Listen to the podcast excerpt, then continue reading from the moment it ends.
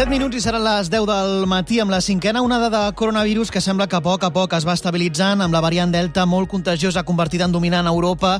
Les autoritats demanen no abaixar la guàrdia. Podem saludar a aquesta hora Rafael Bengoa, que és expert en salut pública, exdirector de sistemes de salut de l'Organització Mundial de la Salut i exconseller de Sanitat del Govern Basc. Doctor Bengoa, buenos días.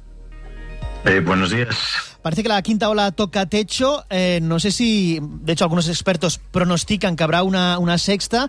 No sé usted qué piensa y, y, y cómo, cómo se puede evitar, si la clave quizás es la desescalada. Sí, lo, la clave es eh, no desescalar como hemos hecho a las anteriores y saber que la desescalada de la variante Delta, una desescalada Delta no es lo mismo que desescalada eh, anterior. Pero hay que ser más prudente y habrá que aguantar un poquito más cuando tengamos las cifras bajas que necesitamos antes de tomar decisiones de levantar todas las restricciones. Aguantar un poquito más, por ejemplo, este fin de semana hemos visto cómo ha arrancado la liga, hemos visto, hemos vuelto a ver público los estadios, aunque ni a la mitad de su capacidad. ¿Usted se da acuerdo con esta decisión? Bueno, eh, en este país como eh, el es lo que es, pues tenemos una, una, situación en la que se prioriza obviamente el fútbol sobre otras cosas. Yo preferiría ahora estar viendo eh, cómo estamos preparando para el retorno al colegio, el retorno a las universidades y ver cómo va a ocurrir eh, ese, ese momento y cómo estamos preparando, eh, digamos, la vuelta al cole, sobre todo, para asegurar que los niños no se infecten. Eh, ¿qué, ¿Qué, le parece el ritmo de vacunación que, se está siguiendo en España y en Cataluña y el debate sobre el certificado COVID que algunos países aplican, digamos, obligatoriamente para entrar a bares, a restaurantes, a, cines, a teatros?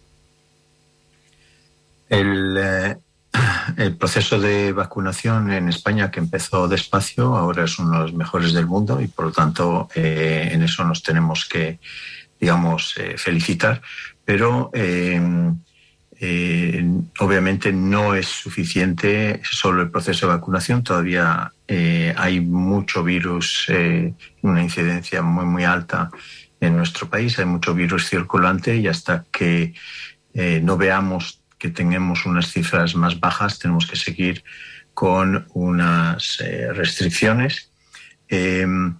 En relación al certificado, eh, yo creo que vamos a ver más y más, eh, como está ocurriendo en otros países, la necesidad, eh, por ejemplo, de exigir un certificado o algún tipo de, de prueba de vacunación para trabajadores en residencias y quizá en algunos otros sitios. Ya se está dando en la vuelta física a las universidades en ciertos países y eh, recordar a todo el mundo pues, que es, que, que, que es eh, no solo es tener y estar vacunado no solo es un acto individual, que, sino que es un acto colectivo y solidario, porque lo que necesitamos es asegurar que a nivel poblacional eh, haya menos virus circulante. Por lo tanto, lo importante es, si ya es necesario en algunas circunstancias, eh, tener eh, y exigir el pasaporte eh, o el certificado de vacunación, eh, yo creo que eso es lo que vamos a ver más y más. ¿Pero usted recomendaría a la Generalitat o al Gobierno de España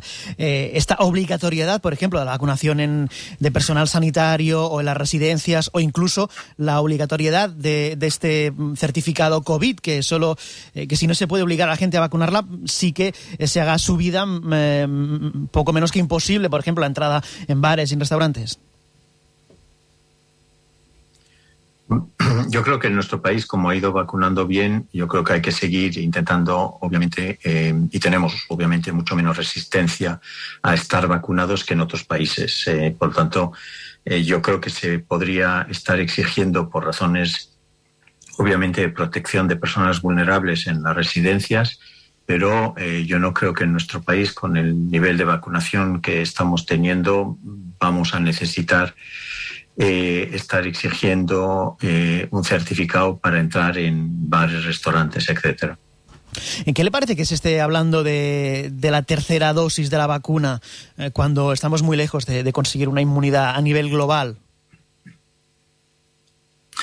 Bueno, la tercera dosis eh, yo creo que vamos a poder tener, eh, digamos, suficiente información ahora en otoño para saber si hay que darla a, las personas mayores y yo creo que se limitará a una utilización en las personas de más de 75-80 años, que es probable porque las personas de esas edades tienen un sistema inmunitario más débil y por lo tanto es posible que hayan perdido parte eh, de la protección inmunitaria que necesitan. Entonces, si es que se da una tercera dosis en otoño, yo creo que se limitará a esas edades, no a todo el mundo.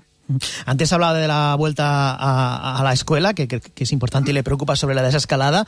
Eh, la vacunación de los jóvenes o incluso de los niños, eh, ¿usted es partidario?